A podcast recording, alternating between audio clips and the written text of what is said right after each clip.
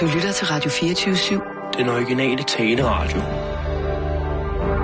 Velkommen til Bæltestedet med Simon Jul og Jan Elhøj.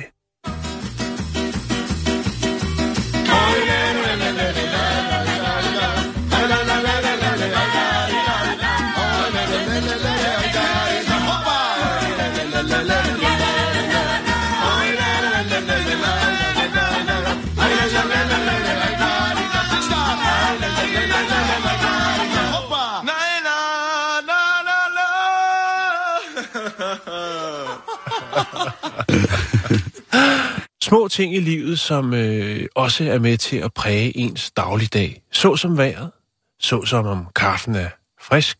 Eller om man har set et dødningehoved i en nullermand.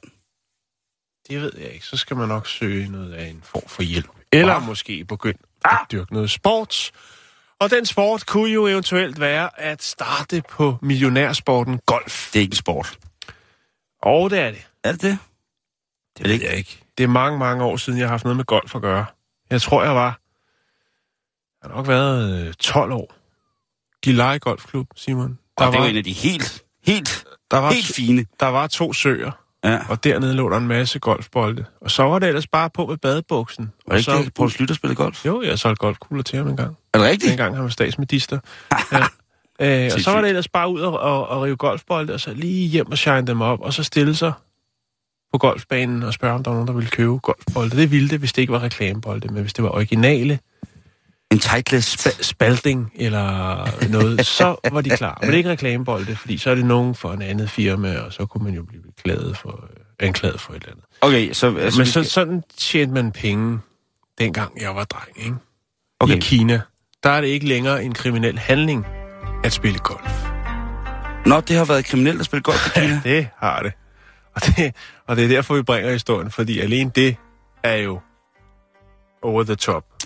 Det var jo Mao, som øh, foragtede sporten for millionærer, som han kaldte det. Kapitalister, ikke?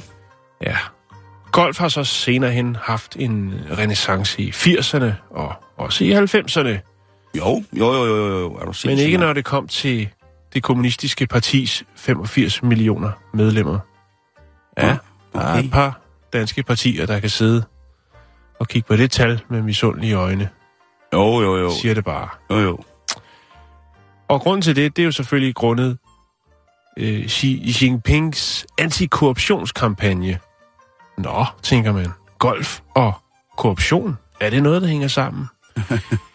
det øh, mener man jo så, at det gør eller gjorde i Kina. Okay. En, øh, en ny publicering, jeg har fået fingrene i, Simon. Ja, det lyder så fint. Det er ikke på skrevet papir. Det er noget, jeg har fundet på internettet. Mhm. Helt ude på det kinesiske internet. der, der er du vores ekspert jo, der må man sige. Og ekspert er alligevel også et stort ord, men så alligevel ikke, hvis man tænker på, hvem der ellers sidder og ytrer sig på forskellige nyhedsmedier omkring... Øh, ja, Hvordan lort der går ned i Kina. Ja, eller nej, det var ikke så meget det, jeg refererede til. Det var mere sådan om livet generelt. Jeg har skrevet en bog. Nu skal jeg fortælle dig noget. Nå, Tæller du om dig selv, eller nej, det kan det jeg ikke. Jeg siger Eller bare- mig?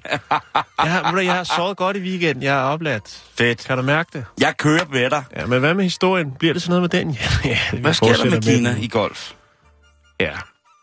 Øhm, Golf i Kina. man har jo ment, Simon, at golfbanerne ligesom var grobunden for korruption. Her Okay. kunne øh, indflydelsesrige politikere og embedsmænd mødes med erhvervsfolk og derigennem snakke lidt forretning, som måske ikke tåler dagens lys. Oh, Derfor. Dark business. Derfor så mente man, at golf ikke var noget, man skulle anerkende som værende. Ja, nok ikke engang en sport, men heller ikke et samlingssted for embedsmænd, politikere og erhvervsfolk. Så derfor, Simon, så blev der lukket ned for det. Men nu har man så bare lempet lidt på reglerne og sagt, det er vel ikke så mudret igen, og det behøver jo ikke kun at handle om penge og magt. Det kan vel også godt handle bare om at mødes til et slag golf. Mhm. 18 huller. Men det er jo det, der er essensen i det hele, Simon. Og det er faktisk sådan, hvis man kigger i øh, en paragraf, som jeg tror, det hedder dernede, øh, 87 i det kommunistiske partis disciplinære regler, så er det faktisk sådan, at man kan blive straffet for at holde nu fast, at være i besiddelse af et golfmedlemskort.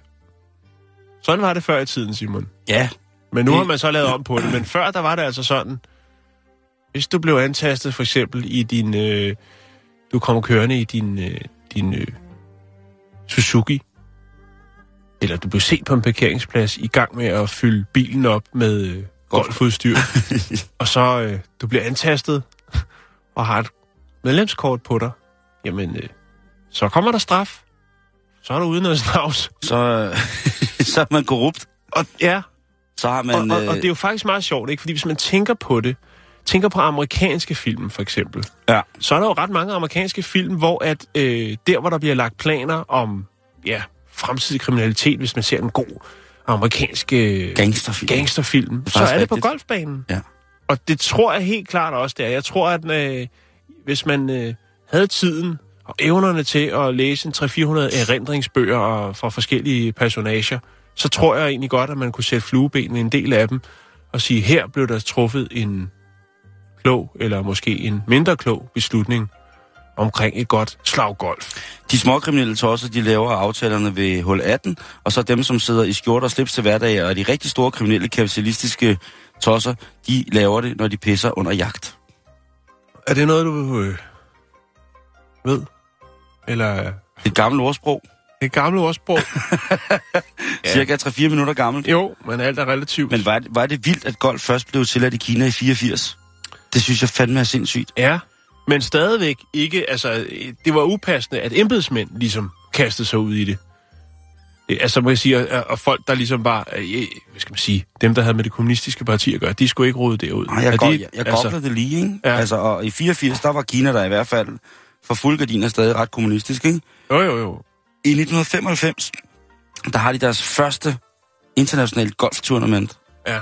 I, at det er vildt, var? Jo, men nu kan man altså som medlem af øh, det kommunistiske parti godt, hvad skal man sige, flashe medlemskortet, uden at At komme i bad standing. komme i bad standing.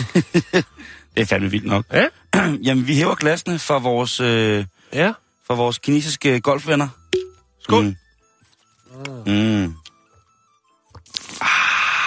Vi ses ved hul 19.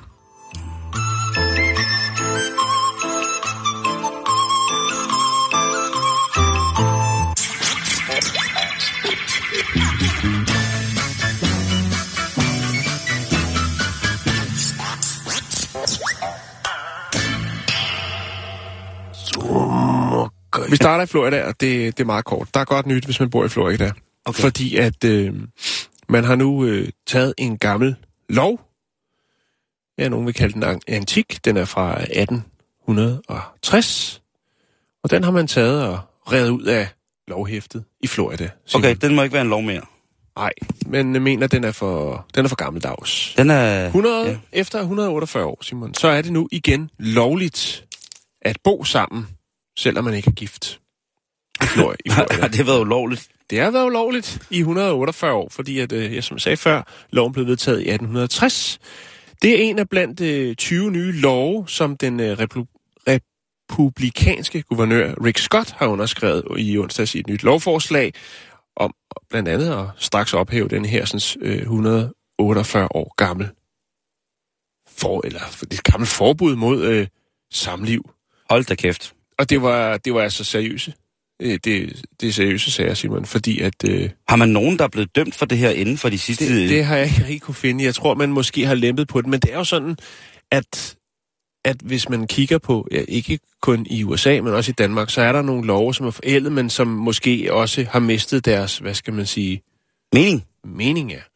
Og, og, og, og så er det jo så på et eller andet tidspunkt, at ah, det kunne godt være, for man ville godt kunne, kunne dømmes for det her i Florida indtil, at, øh, ja, indtil sidste uge. Det er Og, og, og hvad var det så? Hvad, hvad var det så? Det var en anden grads forseelse, som det hedder over der. Det ville altså kunne straffes med op til 60 dages fængsel og en bøde på en 500 dollar mand.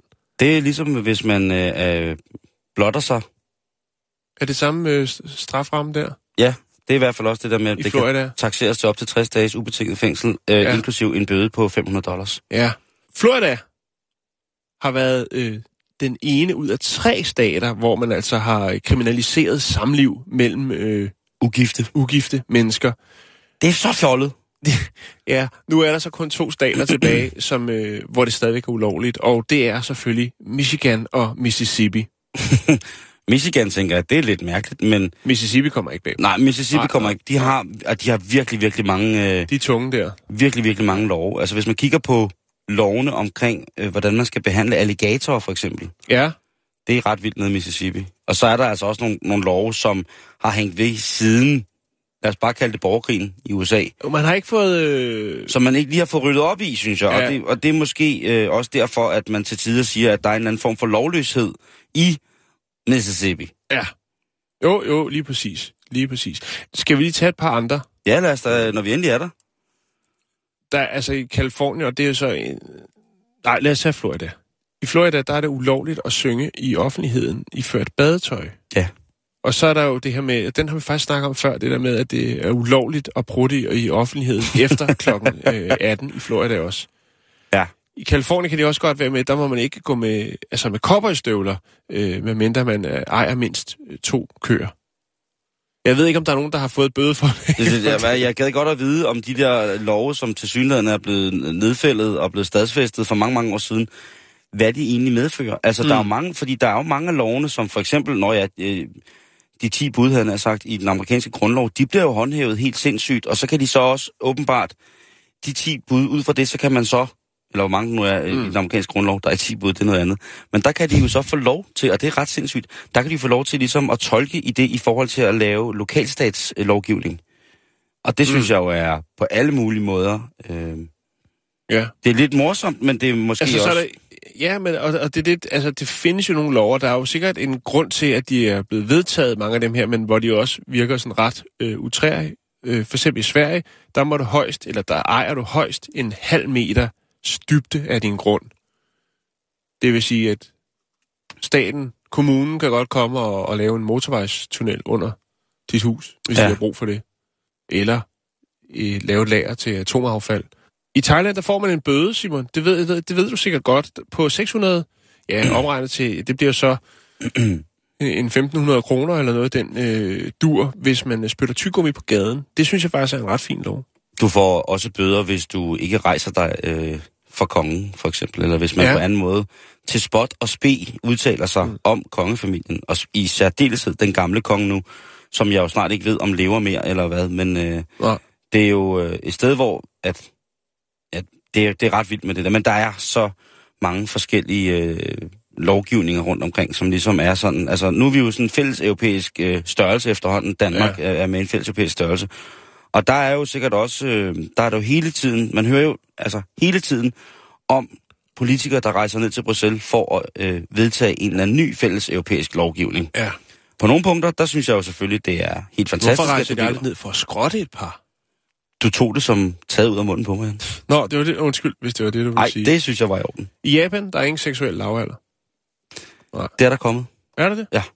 Det er, fordi det Du er helt opdateret. Det er godt at høre. Lige præcis på det punkt, der er jeg opdateret. At de har haft et meget, meget akavet forhold til sex. Altså sådan noget med porno først blev Det- frigivet i 90'erne, han Jo, sagt. det har, de, det har de stadigvæk. Ja, det er et spændende sted, men de har god Mm. mad, ja. De har dejlig mad nede i Japan. I Georgien, der, må jeg, der skal alle indbyggere eje en rive. I Kroatien, der skal alle folk, øh, efter de er 12, have mindst to lommeknive. Okay, det synes jeg er sejt. Nej, det er også løgn. Ja. Nå, lad os komme videre i programmet.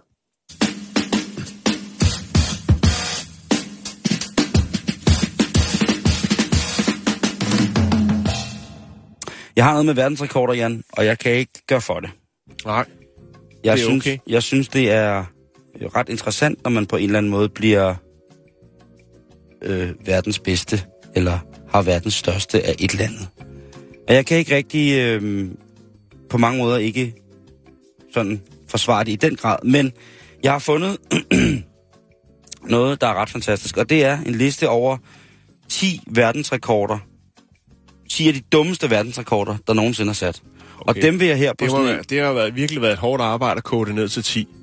Ja, Og, men, men jeg vil sige, at de har gjort et rigtig, rigtig godt stykke arbejde. Godt. Og på en dag som i dag, der tænker jeg, at det kan da ikke være mere passende, end at, at lige køre, køre det igennem, sådan som en, en budbringer om, at resten af ugen nok skal gå hen og blive øh, helt i orden. Jo, jo, og det kan jo også godt være, at man måske sidder derhjemme og tænker, nu er det snart weekend, vi er halvvejs i ugen.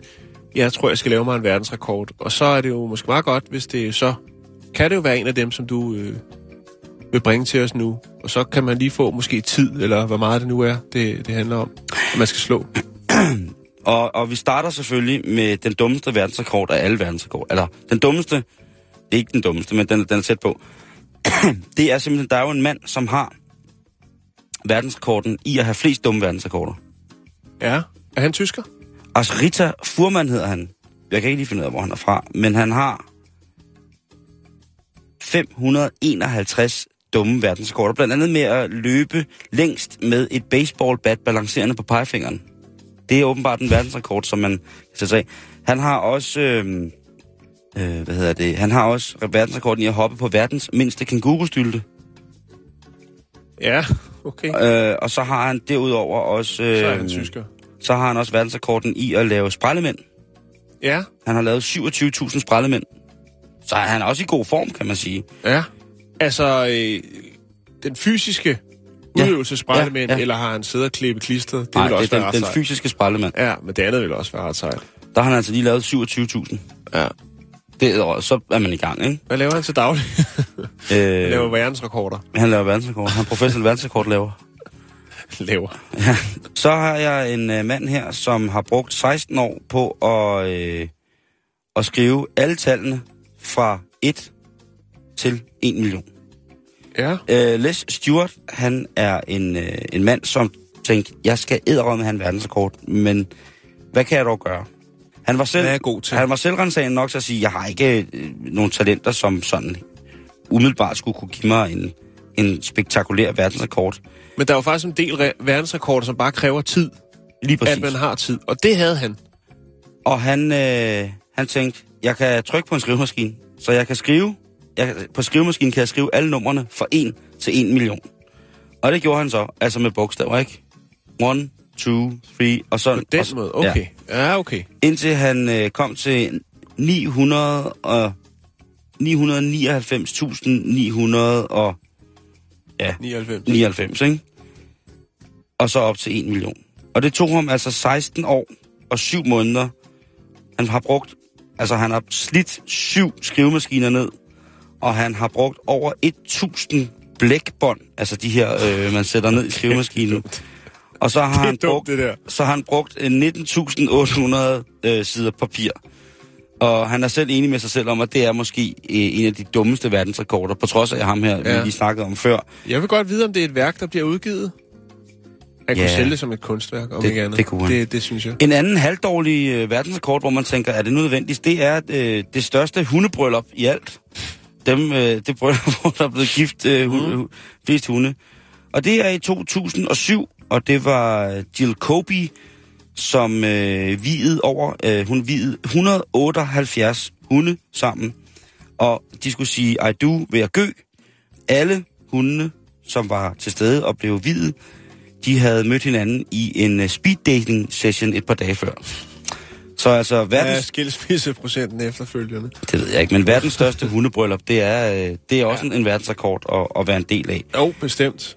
Vi har snakket om ham før, øh, Monsieur Lotito, af Vulle Michel Lito, mm-hmm. eller hans, øh, hans kælenavn, Monsieur øh, Mange Tout, eller Jeg spiser alt her. Det er jo manden, der spist en flyver. Ja. En mand, der simpelthen har valgt at spise en Cessna øh, i løbet af to år, fra 78 til 1980, ja, der åd han altså øh, alle delene af en, øh, en flyvemaskine. De blev alle sammen hakket i bitte, bitte små stykker, så han spiste en lille smule, øh, hvad hedder det, Hver dag. hver dag, og så skyllede han det hele ned med, hvad hedder det, vegetabilsk olie og en lille smule vand. Ja, jeg ved ikke, øh, hvem der får en til at tænke, i, i dag starter jeg med at spise et fly. Ja, og så bruger jeg to år mit liv på det. Der er flere politikere, jeg vil kunne have mistænkt for at gå med den tanke. Ja. Men øh, jeg skal ikke nævne navn her. Der er også et par, der virker som om, at de er blevet påvirket af at lave det rekordforsøg. Så er der øh, den øh, fantastiske mand, som har valgt at, øh, at udføre et at tage en verdensrekord med sin dejlige kone. Det er, øh, hvad hedder det, eller kæreste, det er Bibin Larkin og Asrita Furman, der i 2012 i New York slog verdensrekorden i at flække vandmeloner med svær på en anden persons mave på et minut. Flest vandmeloner flækket med svær på et minut over en, en persons mave. Mm. Øh, han nåede altså at flænse 48 vandmeloner på maven af sin assistent på et minut. Det er meget godt gået. Når man tænker over det, når man tænker over, at det er 60 sekunder, hvor han med svær hakker vandmeloner over på, mm. sin, øh, på sin partners mave, så 48, det er altså ret, det, det synes jeg på... Øh, er mange... det oppefra og ned, eller er det sidelændsk? Det vil Opfra og ned. Okay. Det er den farlige metode, jo. Det er den farlige. Jo, jo, det er dangerous shit. Ja. Prøv at høre, altså, han hedder Bipin. Ja, B-I-P-I-N. B til det I til det P til det I til det N. Altså, Bipin. Altså, han... Øh... Så er der øh, øh, en verdensrekord, som jeg tror, der er mange, som vil synes var en lille smule øh, mærkeligt. Men det er altså verdensrekorden i at have flest snegle siden i ansigtet. Og den, er indhæv, den indhæves er øh, Finn Kæler, som er 11 år, og, eller var 11 år, på, da vedkommende slog verdensrekorden. Og vedkommende havde altså 43 vindbjergsnegle siden i ansigtet mm. på samme tid. Og det er altså en, øh, en verdensrekord. Nej, det var faktisk på hans 11-års fødselsdag, han valgte at slå den rekord. Du kan, se, øh, du kan se ham her, Finn, med, ja. fyldt med vindbjergsnegle i fjeset. Som om han har en skrækkelig sygdom. Ja, lige præcis. Jeg anerkender projektet. Godt tænkt. Andrea Warner, hun er manager på et engelsk hotel, men hun er altså også den hurtigste i verden til at redde en seng.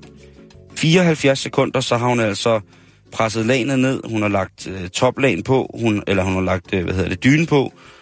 To, hun har skiftet, øh, hvad hedder det, pudbetræk. Og så har hun altså lavet en, øh, den der, hvor dynen den kommer sådan helt ned om madrassen. Sådan mm. fuldstændig ja, pisseirriterende ja. på engelske hoteller. Øh, det tager altså 74 sekunder. Det er sgu meget godt gået. Ja, ikke? Tror jeg nok. Jeg har, ikke, jeg har aldrig prøvet at tage tid på mig selv. Omerere sengen? Ja. Altså, jeg gør det nok heller ikke så grundigt. Jeg er mere det der med, at... Øh, det, nu bliver det noget mærkeligt, men jeg, altså, åbn vinduet, lad dynerne ligge og luft af, øh, og så luk vinduet, og så gør jeg sådan her, hvor man tager fat i den ene ende af dynen, og så siger det... Og så ligger dynen der, og så tager jeg den anden dyne, og så ligger dynen der, og så har jeg ret seng. Ja, det altså, er også fint nok. Jeg kommer ikke, jeg kommer sgu, jeg bruger heller ikke sengetæp. Nej, det gør jeg. Jamen, du er også Det er også, også for... For kan man bruge sengen til andet end at sove i. Det er rigtigt, det er rigtigt, rigtigt. Men jeg bruger ikke en seng til andet end at sove i. Nej, men det er jo også fordi, at du bor på Frederiksberg. Nå, vi skal videre. Ja, hvad hedder det? Øh, Anna, eller Anna-Lisa Flanagan, uh-huh. som er en øh, skolelærer i Nordjylland. Hun har øh, rekorden i at øh, råbe Hold kæft. Quiet! Ja, præcis. Aller, aller højst. okay. Hun råber altså 120,7 decibel. Det er sgu meget godt gået. Jeg er ikke sikker, men jeg tror altså, at 110 er smertegrænsen. Det blev målt. Der var dog en anden lærer, en engelsk kvindelig lærer, som hedder Jill Drake, som øh, skreg hold kæft med 129 decibel i 2000. Ja. Og øh, det var jo så faktisk den nye verdensrekord, men den blev ikke rigtig registreret sådan okay. officielt. Nej. Så indtil videre, så er det altså verdensrekorden for 94 med 120,7, og så kan man diskutere, hvorvidt at de 129 for 2000 skal være gældende som en ny verdensrekord. Mm. Ja, jeg, jeg ved ikke, hvordan jeg skal komme til den næste, men, men det er manden, der har modstået det hårdeste spark i skridtet. Oh, godt. Ja. Ja. Mr. Roy, som er en... Øh, Kampsports... Ja, ja, det er lidt svært at vide, om han er kampsportschef, eller hvad han nu er. Han tog i hvert fald et uh, los, uh, los til nos fra uh, MMA-kæmperen Justice Smith, og uh, det blev altså målt til uh, over et halvt tons thrust lige imod uh, pung. Altså, det er et los til nos, tænker jeg, hvor man på virkelig mange punkter er, uh, er benhård, hvis man, uh, hvis man kan tage det der.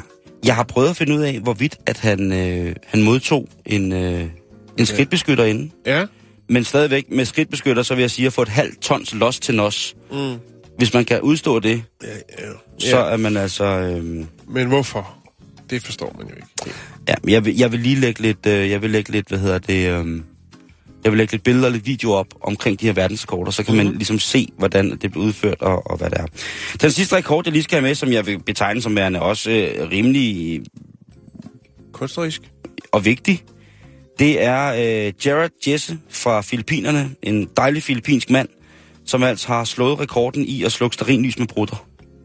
Ja, det kunne han lige gøre. Det tænkte han, det har han trænet til i mange år. Nå, hvad laver du så? Øhm, øh, jeg vil lægge en video op her, hvor man kan se det, og han har altså... Øh, han har præsteret at kunne kontrollere sin flatulens i en sådan grad, at han med et, et langt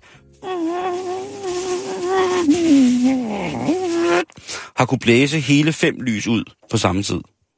Men er det sådan nogle standardlys? Det er ikke alderlys eller fyrfadslys? Nej, det er ikke, det er ikke, det er ikke fakler. Nej. Øh, men jeg vil lige lægge nogle ting op, så I, øh, I, kan, I kan se... Han burde øh, faktisk kunne tænde dem igen, ikke? Med en lighter bagefter og, og, og en prut. Jeg vil anbefale jer til at gå ind og se sjovt. på facebook.com bæltested, så kan I altså se øh, billeder og videoer Jeg er af... sikker på, at der er mange, der sidder derude og venter på, at du smider det link op. Er det godt? Jo, det tror jeg. Jamen, øh, Det er helt vildt. sådan er det. Så skal vi snakke om en national sikkerhedskampagne. Vi skal til Kina. Oh, Nu bliver det vildt. ja. Fordi den kinesiske regering har... De er gået i gang med, at de har sat en ny kampagne i værk, som henvender sig til regeringen og statsansatte generelt. Og i kampagnen, der advarer man simpelthen statsansatte, folk som arbejder i regeringen, om at date smukke udlændinge. Altså potentielle James Bond-typer. Undskyld mig, hvad? Ja. Og til den her kampagne har man lavet en række tegneserier. Sådan lidt, øh, altså sådan nogle plakater med en, en lille historie på. Og øh, dem har man spredt ud i hele Beijing, og de fortæller historien om en attraktiv, ung, kvindelig tjenestekvinde, som hedder Xiao Li, eller Lille Li.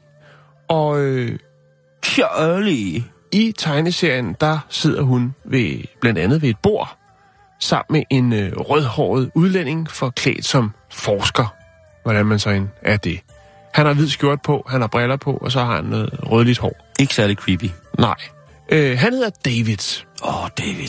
Og de her to sidder så, altså Shaolage og David sidder så ved et bord i den her tegneserie. Og han giver hende komplimenter i en lindstrøm. Mm. Røde roser, Mm. romantiske middage, oh, romantiske gåture ej. i parken. Og masser af Og taleboblerne, Nå, okay. de, øh, over, der kan man så ligesom lugte, hvad det er, det her går ud på. For det er nemlig det her med, at den store, stærke forsker,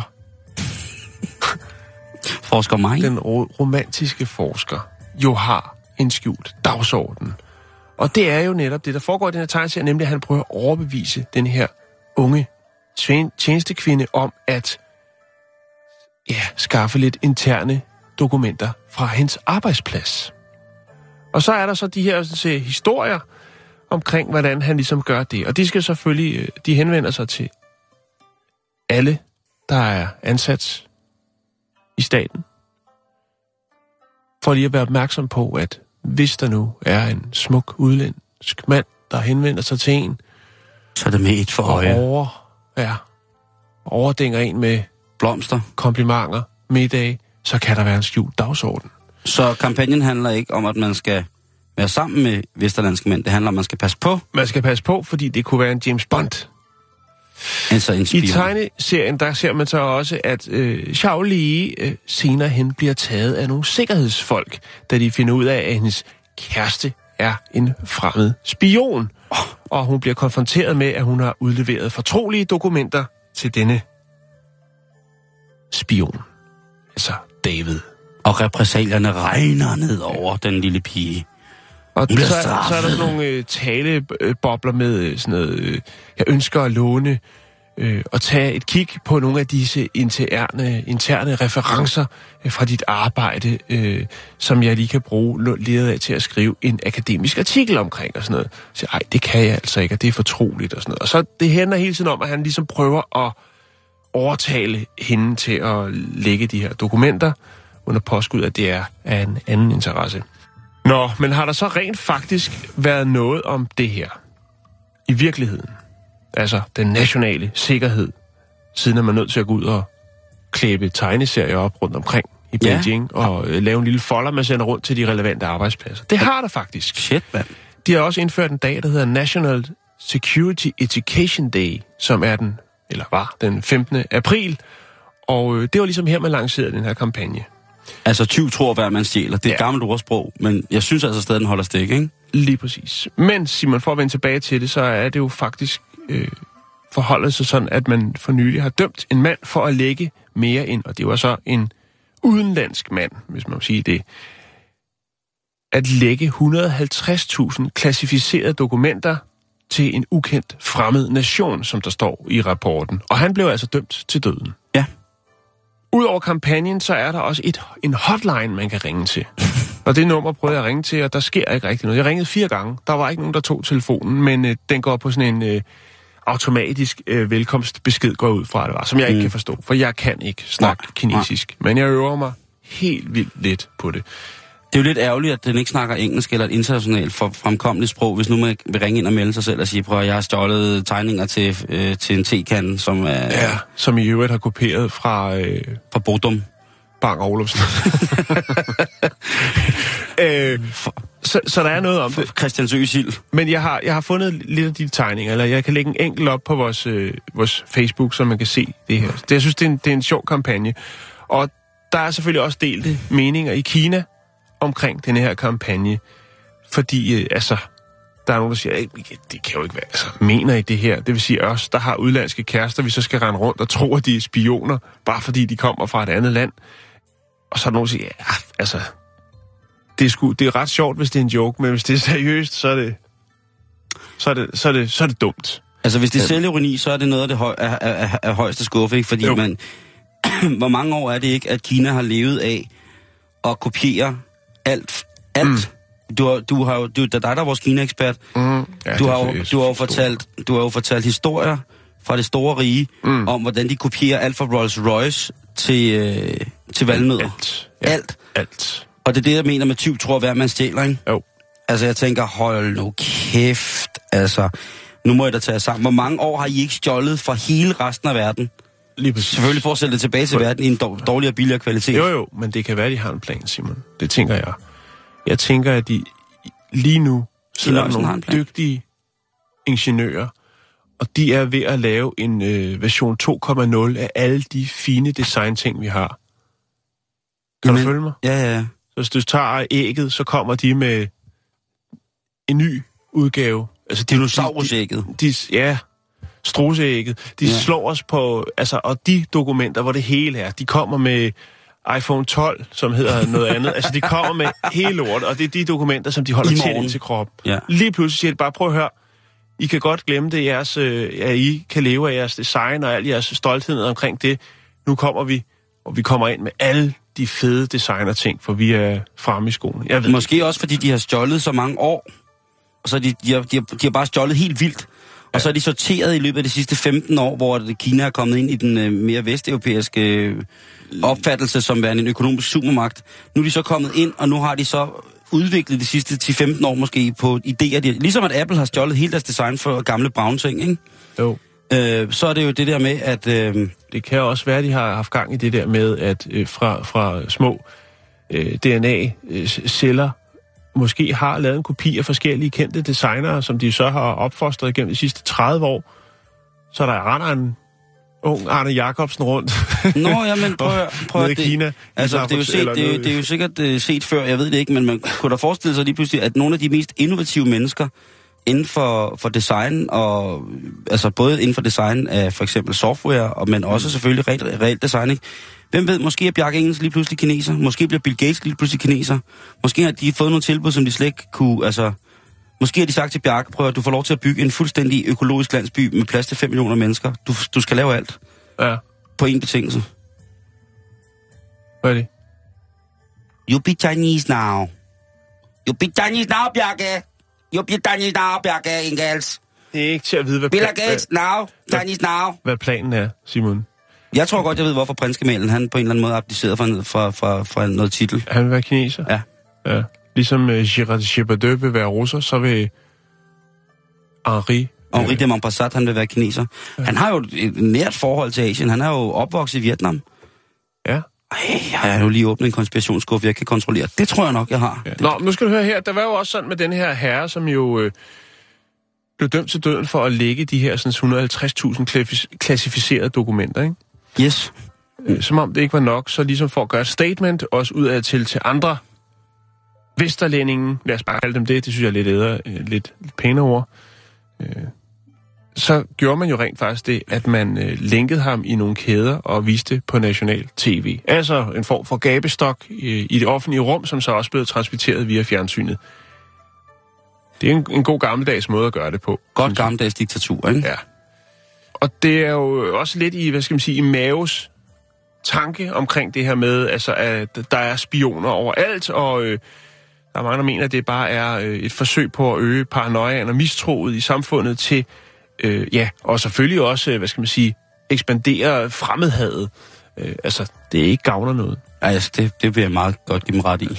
Nå, men det var sådan set det, Simon, man skal bare lige passe på, hvis, hvis, hvis man øh, nu er i Beijing og rører ud i en hot flørt, så kan det godt være, at man øh, ender op på, øh, på Rødhulspladsen i, i, i benlås til offentlig skue, fordi at man, man måske også kan blive tolket som værende en spion, en James Bond.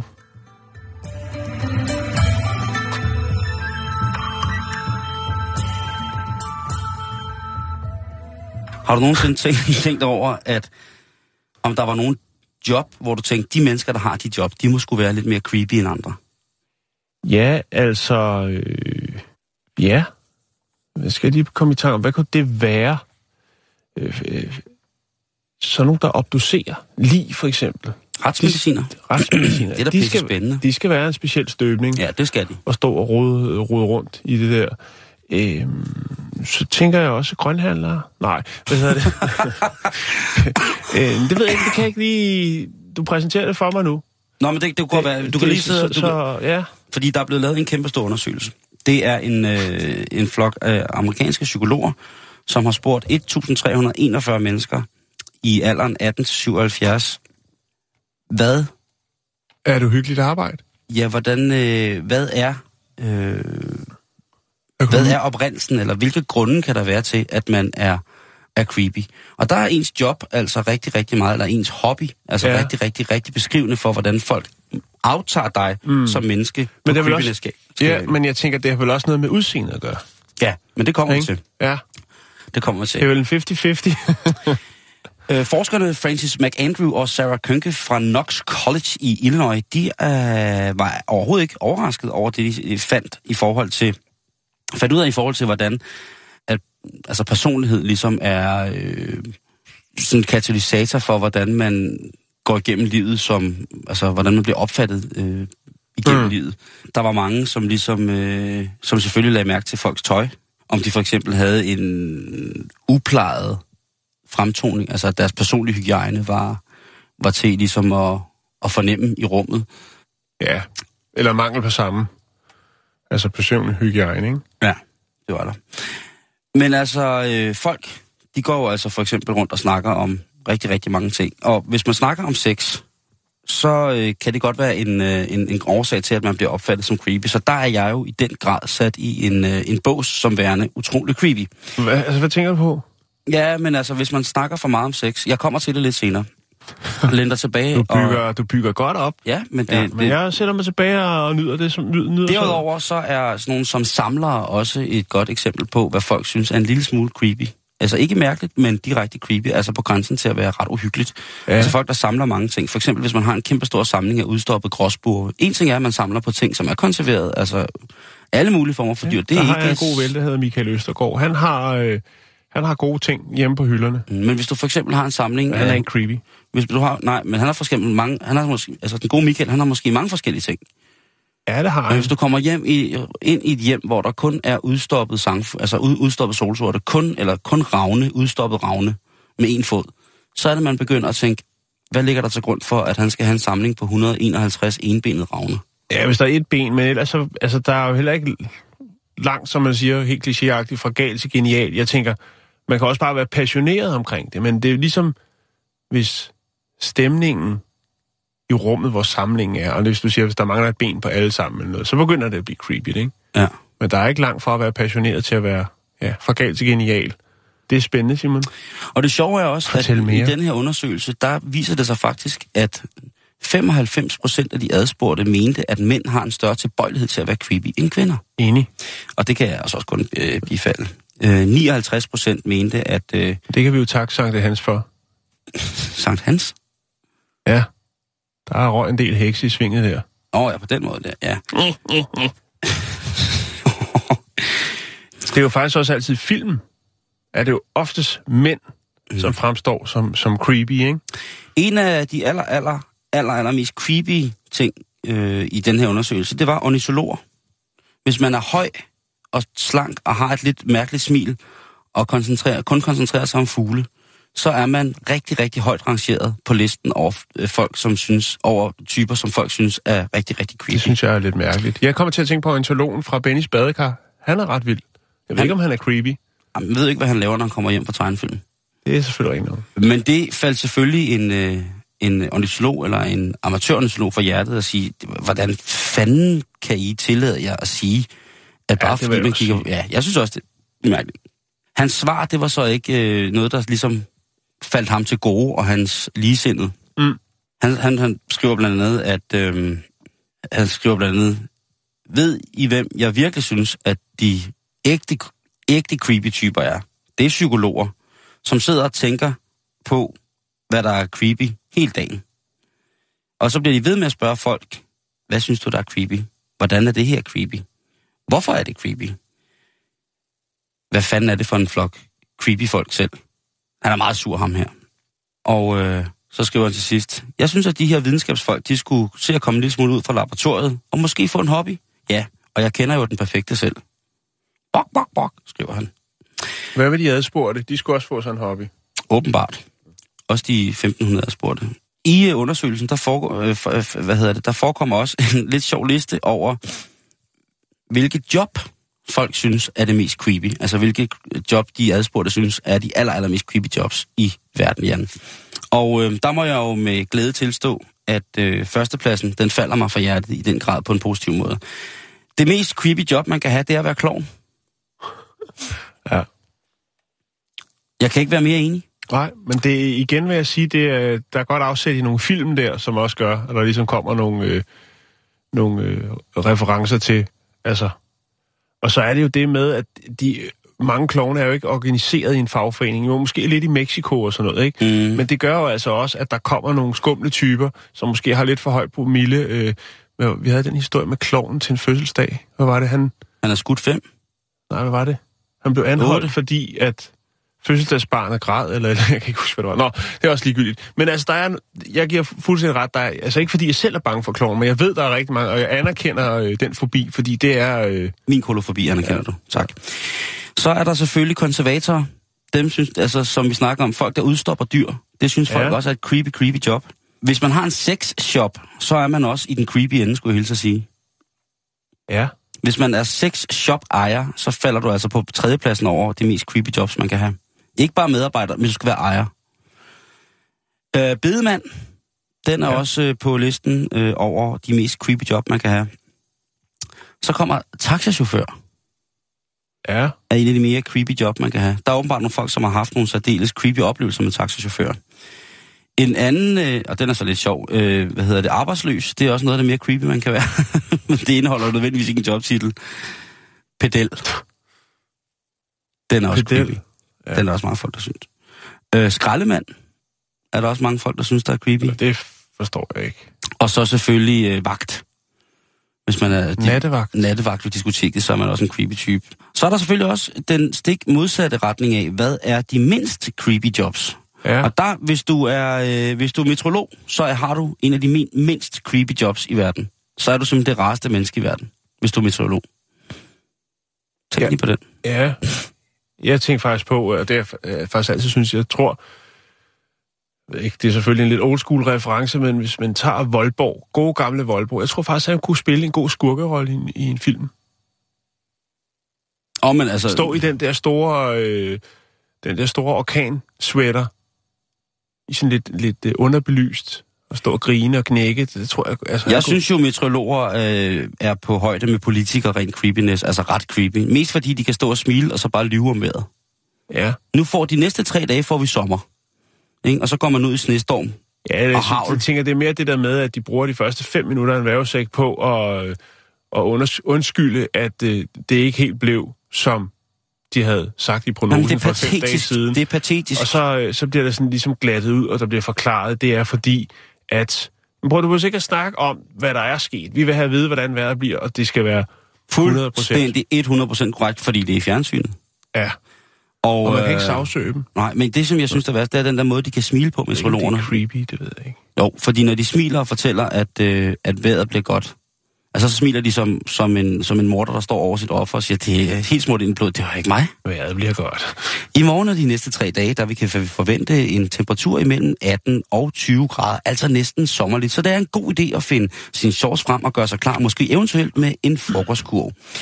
Sådan nogle ting der, så bliver jeg simpelthen så bange. Så vil de bare have os ud i det fri, så de kan dræbe os. De skal ikke bestemme, hvad man skal lave. Men okay, øh, jeg, er jo, jeg er jo også i creepy-kategorien, fordi jeg snakker meget om sex, så jeg er jo øh, helt sikkert creepy. Men meteorologer for langt de fleste er altså det, Det er mindst vel ikke creepy. creepy at snakke meget om sex. Det kommer an på... Jamen, det er måden, jeg gør det på. Ja, det er det. Det er måden, jeg gør det på. Ja. Hvis man er lærer, så er man også, har man også et meget, meget øh, lidt creepy job. Hvis man er bundemand, har man også et meget lidt creepy job. Ja. Hvis man er, øh, hvad hedder det, professor, så har man også et meget lidt creepy job. Og der vil jeg sige, der har de taget fejl. Fordi øh, professorer er jo altså, øh, kan jo sagtens være creepy. Det kan alle vel. Og, og, være, og være læge er også et meget lidt creepy job at have. Finansrådgiver, det er her, hvor den her, hele den her undersøgelse begynder at, at ramle for mig. Det mindst creepy job, finansrådgiver. Ja. Og at- revisor vel også. Det her, det er finansielle rådgiver. Dem, Ja, ja, men siger, en revisor er heller ikke særlig creepy. jeg, jeg tænkte lige på, hvem jeg har som revis, revisorer, og de er meget, meget søde. Og meget lidt creepy. Hvis du arbejder i et kafeterie, så er du altså også en meget, meget, meget lidt creepy. Ja. Hvis du er computer software ingeniør, så er du også meget, meget lidt creepy. Den er fuldstændig forkert. Og hvis du er skuespiller, så er du også meget, meget lidt creepy. Så er du altså nederst på creepy-skalaen. Mm-hmm. Men jeg må sige, den her undersøgelse, den afviger generelt fra en del af, hvad jeg opfatter som creepy.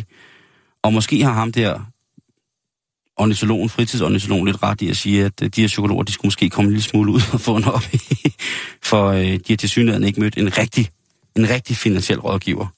Bare lige gå ned i banken og kigge på din bankrådgiver og tænk, ja ja, du får alle penge.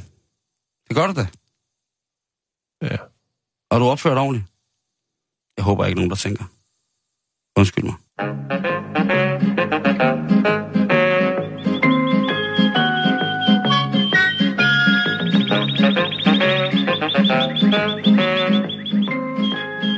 Tænker på, kunne vi ikke bygge os et hus højt op i hjørnetanden der? Jeg kunne tænke mig, der var meget rarere end nede i det skumle hul her.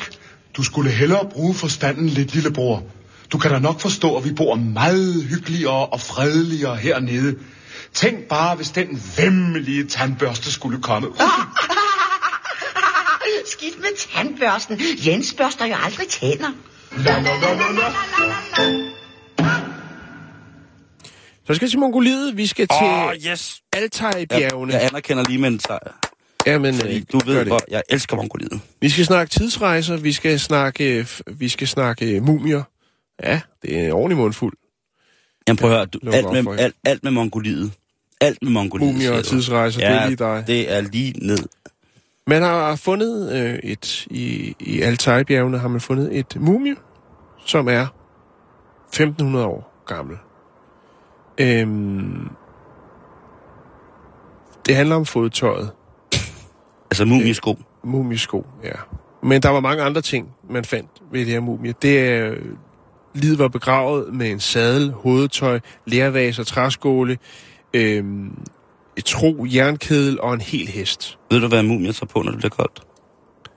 Åh, oh, det er en plat vidighed, kan jeg høre. Moonboots. Og, fin, og sløj. Det, der er det interessante ved det her fund, det er faktisk, at det her mumie har Adidas støvler på. Og det er jo meget mærkeligt. Og det har jo øh, skabt en del øh, tanker omkring tidsrejser. At du ser mærkelig ud i hovedet.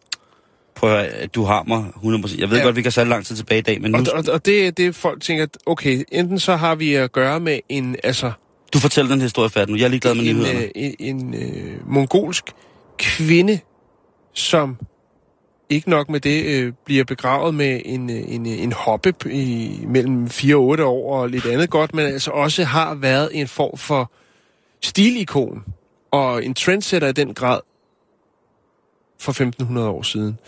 Og øh, lad mig vise dig et par billeder. Her har vi øh, mumies fødder, og der har vi skoene. Som du kan se, så er det, der udgør, at man mener, det er Adidas, det er jo så den måde, bindingerne på skoen er, som jo så viser øh, fire striber. Ja, selvom Og, er øh, det, er jo en- er, er, det, er det tre? Det er tre striber, er det? Det er ja, tre. Ja, det kan også godt være, at den der ikke tæller. Men der er i hvert fald øh, de første, de første forskerne siger, eller de her, der har været med til udgravningen, og efter at øh, det blev lagt på socia- sociale medier, det er, det der, det er Adidas. Verdens ældste handball special. Ja, Det er den, klassiske rock. Bordeaux og rød og læder. Ja, og det er det, Og gummisål, ikke? Blå Men- og så med hvide striber. man har, det er også det, man er imponeret over, fordi det er faktisk et rigtig dygtigt, eller et rigtig flot stykke håndværk. Øhm, og det har man kunne se på mange af de klæder, som, eller på de klæder, som øh, Mumien har på. Altså, vi er ude i både foruld og kameluld. Altså, man har blandet, man har lavet lidt kreds for det med de her sådan, gamle, øh, hvad man jo i sjov siger, er et par Adidas sko. øhm, og det er sådan set det, Simon. Den her grav den var 3 meter dyb, og dernede, der fandt man altså alle de her ting. Man fandt øh, lervaser, øh, sadel, hovedtøj, jernkedel og så en hel hest. Og ikke nok med det, også en trendsetter, nemlig en kvinde iført verdens ældste Adidas. Der må, være, der må være nogen i Adidas, som sidder og tænker, Jo, tak. wow, det her, det kan vi komme til at, at spænde guld på. Det, man har jo hørt om store firmaer, som har købt sig adgang til historiske monumenter. Ja, Øh, for at indføre dem. ja, Ekvipage. eller, ja, lige, eller for at bruge dem i, i, i en reklamemæssig sammenhæng. ja, jo, jo, jo. Der er jo altså øh, godt gang i den, og, og man må jo sige, om, altså man kan jo sige alting, det ligner altså noget af det hippeste lige nu, eller ikke hippeste, men det, for 4-5 Det er år siden, træsko. øh, det, det går aldrig måde. For 4-5 år siden, så kom der det her knitting øh, materiale, som altså var sådan flettet materiale, som blev sat på rigtig, rigtig mange øh, nye sneaks. Og blandt andet Adidas jo. Mm-hmm. Og jeg vil da sige, det der, det kan altså godt gå hen og blive øh, noget, noget helt nyt nu. Jeg tænker på, om, nu går jeg lige på nettet her, øh, og tænker på, om man kan se, om der findes Adidas sandaler ud over den klassiske badesandal, øh, som, er, som er i høj kurs i luk, på lukkede institutioner. Så tænker jeg bare, øh, nu skriver jeg lige her Adidas øh, sandal, fordi det, er, det, det vil jo... Øh, du ved godt, den her, det er den, jeg tænker på, ikke? Jo, jo, Det, jo, den, den er, altså, det er jo altså en, en form for, for dresscode øh, forskellige steder. Men, men Adidas, som ligesom har... Hvis man nu brugte for eksempel de der tre striber som værende... Som værende, hvad hedder det? Det, der ligesom går hen over svangen på foden, ikke? Ja, Altså, sådan en, sådan en her, ikke? For eksempel. Jo, ja, men Altså, det, der- de, der er de, noget- de er ikke rigtig med endnu, Simon. Det kan være, det kommer. Nu, nu kan de få noget inspiration til en, en ledersandal. Nu har de et, et fantastisk historisk øh, udgangspunkt. Og det synes jeg er interessant. Nu kommer jeg til at sidde og kigge på Adidas sandaler. Det, Jamen, det skal du ikke gøre, for lige nu laver vi radio. Okay, undskyld, Jan. Eller det vil sige, at lige nu, der er vi faktisk færdige med at sende radio, så okay. jeg kan gå i gang med at kigge på... på det. Her, der er den sgu. Der har de gjort det. Bum. Ah, Ah, okay. Fuck det. Undskyld, nej. Vi er på bæltestedet. vi er på facebook.com. Skråstrej bæltestedet. Ha' en fortsat rigtig, rigtig dejlig dag. Kom godt hjem. Husk, der er ikke noget, der er så skidt. at det ikke jeg godt for noget.